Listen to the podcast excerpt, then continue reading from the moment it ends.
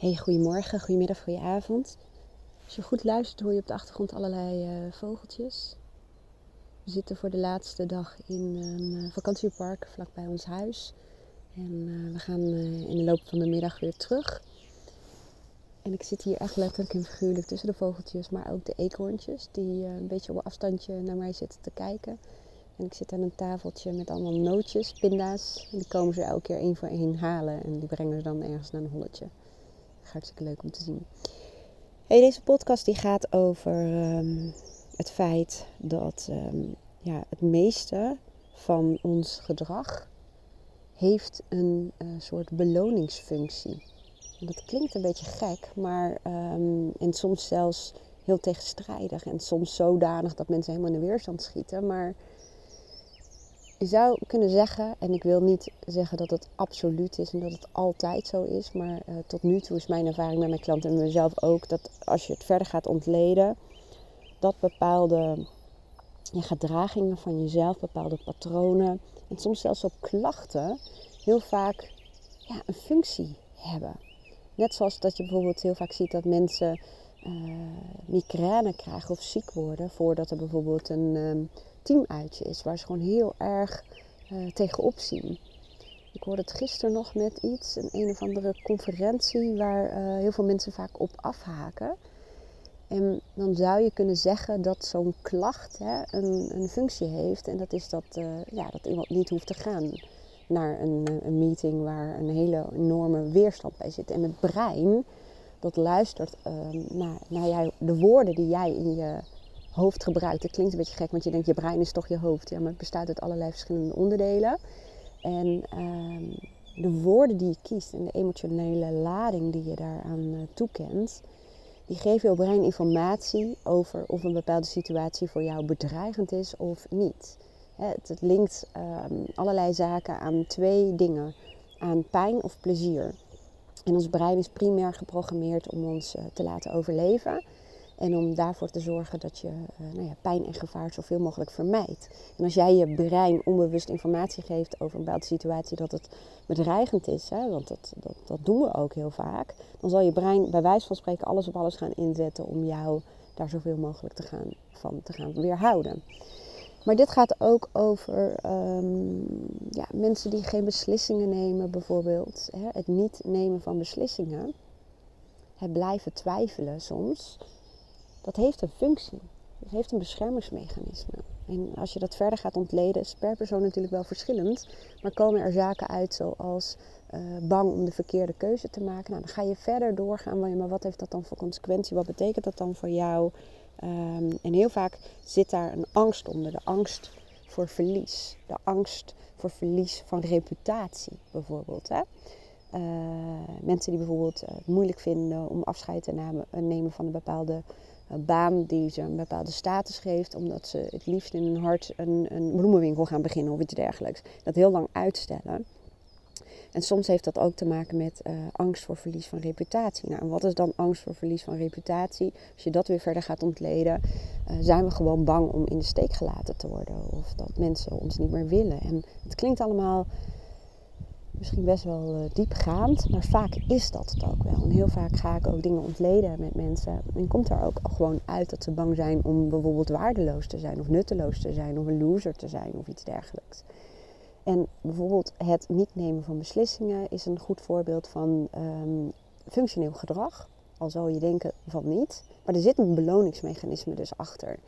Um, ook ja, uh, patronen die je ziet in, in, relaties bijvoorbeeld. Um, ik zit even een voorbeeld uh, te zoeken. Um, ja, je ziet vaak dat mensen bijvoorbeeld uh, heel erg lang elke dag bij wijze van spreken over hetzelfde kunnen klagen. En vaak is dat over de partner. En dan zou je naar de partner kunnen kijken wat voor gedrag vertoont hij en wat is het beloningsmechanisme daarachter. Want als de ander geen last heeft ergens van of geen verlangen heeft, ja, dan komt hij over het algemeen niet in beweging. Maar je kunt ook kijken naar de andere kant, de partner die bijvoorbeeld elke dag klaagt. Hè, dan zou je kunnen zeggen dat heeft ook een functie. En dat is iets waar mensen vaak een beetje van, uh, hoe zeg je dat, de, haren recht overeind in de nek gaan staan of zoiets dergelijks. Dat is slecht met dat soort spreekwoorden. Maar omdat ze denken, ja nee, maar het ligt toch niet aan mij. En ik wil wel, maar die ander verandert niet. Maar ook het klagen heeft een functie. En het is interessant als je toch graag zelf wat meer regie wil hebben, wat meer invloed wil hebben.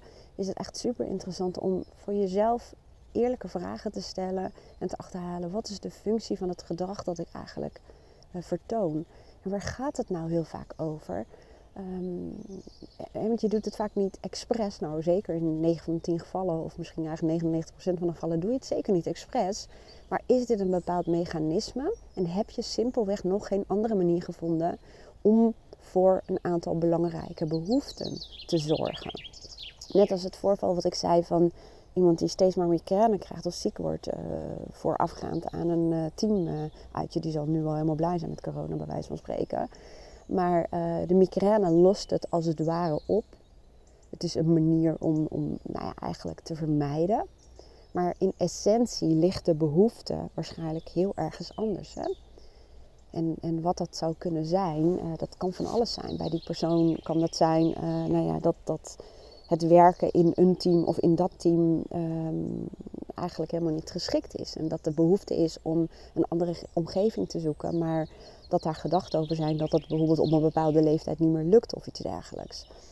Dus het gaat er ook om dat je gaat onderzoeken van um, bepaald gedrag, bepaalde patronen waar je last van hebt. Ga gewoon eens achterhalen. Wat is het beloningssysteem erachter? Of wat is het beschermingsmechanisme erachter?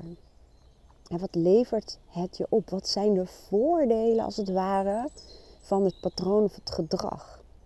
Natuurlijk vraagt dat wat van je, want nogmaals, er kan weerstand optreden en daarom ja, is het ook niet voor iedereen misschien nu het geschikte moment om dat te doen. Maar als je achterhaalt wat de voordelen zijn en wat het mechanisme erachter is, dan krijg je vaak ook zicht op belangrijke behoeften van jou, die op dit moment dus door dat gedrag, dat patroon of dat uh, mechanisme worden uh, vervuld, om het zo te zeggen. En misschien kun je op andere manieren voor die behoeften zorgen. Ik zit nog even te kijken of ik nog een ander voorbeeld kan uh, aanhalen. Um, nou ja, ja, wat mij vaak echt bijzonder verbaasde. Dat bij um, een vorige werkgever waren er echt mensen die elke dag hoorden klagen echt elke dag was er iets te mopperen over het bedrijf of de organisatie en over het management, vooral over het management. En elke dag opnieuw. En ging iemand met zijn koffie uh, zuchtend achter zijn bureau zitten en weer honderd mailtjes en bla bla bla. En ik kon er echt met verbazing naar kijken. Dat ik dacht, hoe dan? Hoe kun je dit al? En sommigen echt serieus, hè? geen gelul, 30 jaar. Dan denk ik, hoe dan? Hoe dan? Maar ook dat klagen heeft een functie, heeft een mechanisme. En nou wil ik niet gaan invullen, want ik was toen nog helemaal niet zoveel met coaching bezig. Maar ja, ik had diegene wel eens willen uh, vragen. Ja, wat, wat heeft in dat geval, wat, wat is de functie? Het kan een stukje ontlading zijn, een stukje erkenning of gehoord worden. Dat kun je ook weer verder gaan uitdiepen. Um, en dan denk je, uh, dat kan dus letterlijk en figuurlijk 20 of 30 jaar voortduren. En het geeft dus iets. Het, het heeft voordelen. En daarom kan een patroon ook heel erg lang voortduren. Ook al zou je kunnen zeggen, ja maar als je er rationeel naar kijkt, zou je toch zeggen, waarom gaat iemand niet gewoon weg? Ja, dat is natuurlijk weer een ander vraagstuk. En het klagen kan zorgen dat het uh, draaglijk genoeg is. Hè? Of dat er een stukje ontlading is of wat het dan ook mogen zijn. Maar ja, dat is ook interessant voor die persoon zelf bijvoorbeeld om dat eens verder te gaan onderzoeken. En heel vaak, uh, ja, nogmaals, vliegen mensen in de weerstand en willen ze dat helemaal niet. Omdat zo'n mechanisme misschien zoveel oplevert dat je het eigenlijk ook graag wel in stand wilt houden. Dus kortom, even samengevat, heel veel gedrag van jezelf en de ander. Maar ik zou uh, zeker zeggen, houd bij jezelf. Dat is waar je invloed hebt. Je aan onderscheid voor de ander invullen.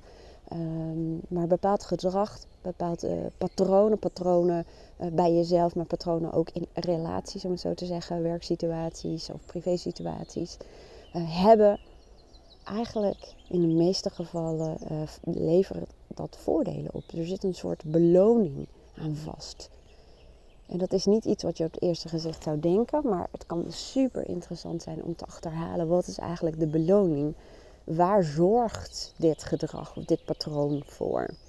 En als je dan achterhaalt wat dat is, dan zou je eens kunnen kijken of er misschien andere oplossingen zijn, andere mogelijkheden om voor die belangrijke behoeften te zorgen. Misschien um, ja, effectievere oplossingen. Want als je er zo naar kunt kijken, kun je ook vaak wel zien dat het ehm, niet een gewenste oplossing is. Want net als die persoon met die migraine, uiteindelijk levert het uh, op dat diegene uh, niet hoeft te gaan. Want die kan niet eens meer gaan. Alleen de weg er naartoe levert nog steeds heel veel stress op. Hè, de weg naar zo'n dag toe. En ook die dag zelf zal er ook weer sprake zijn van misschien schuldgevoel. Of het gevoel van, oh jee, nou moet ik dat uitleggen. Dus uh, ogenschijnlijk los je een probleem op. Maar je creëert ook heel veel andere problemen daarmee. En ja, dat lijkt mij onwenselijk. Nou, ik hoop dat je hier iets aan had. Ik wens je een hele fijne dag. En als je de podcast waardeerde, dan eh, help je mij in elk geval om eh, een beoordeling achter te laten. Want hoe beter mijn podcast uh, gewaardeerd wordt, hoe, nou ja, hoe meer ik ook naar boven kom in de zoekresultaten.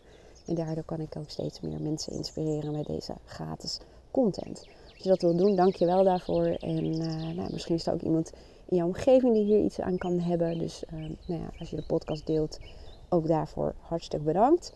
Dankjewel voor het luisteren en heel graag tot de volgende keer. Doei doei!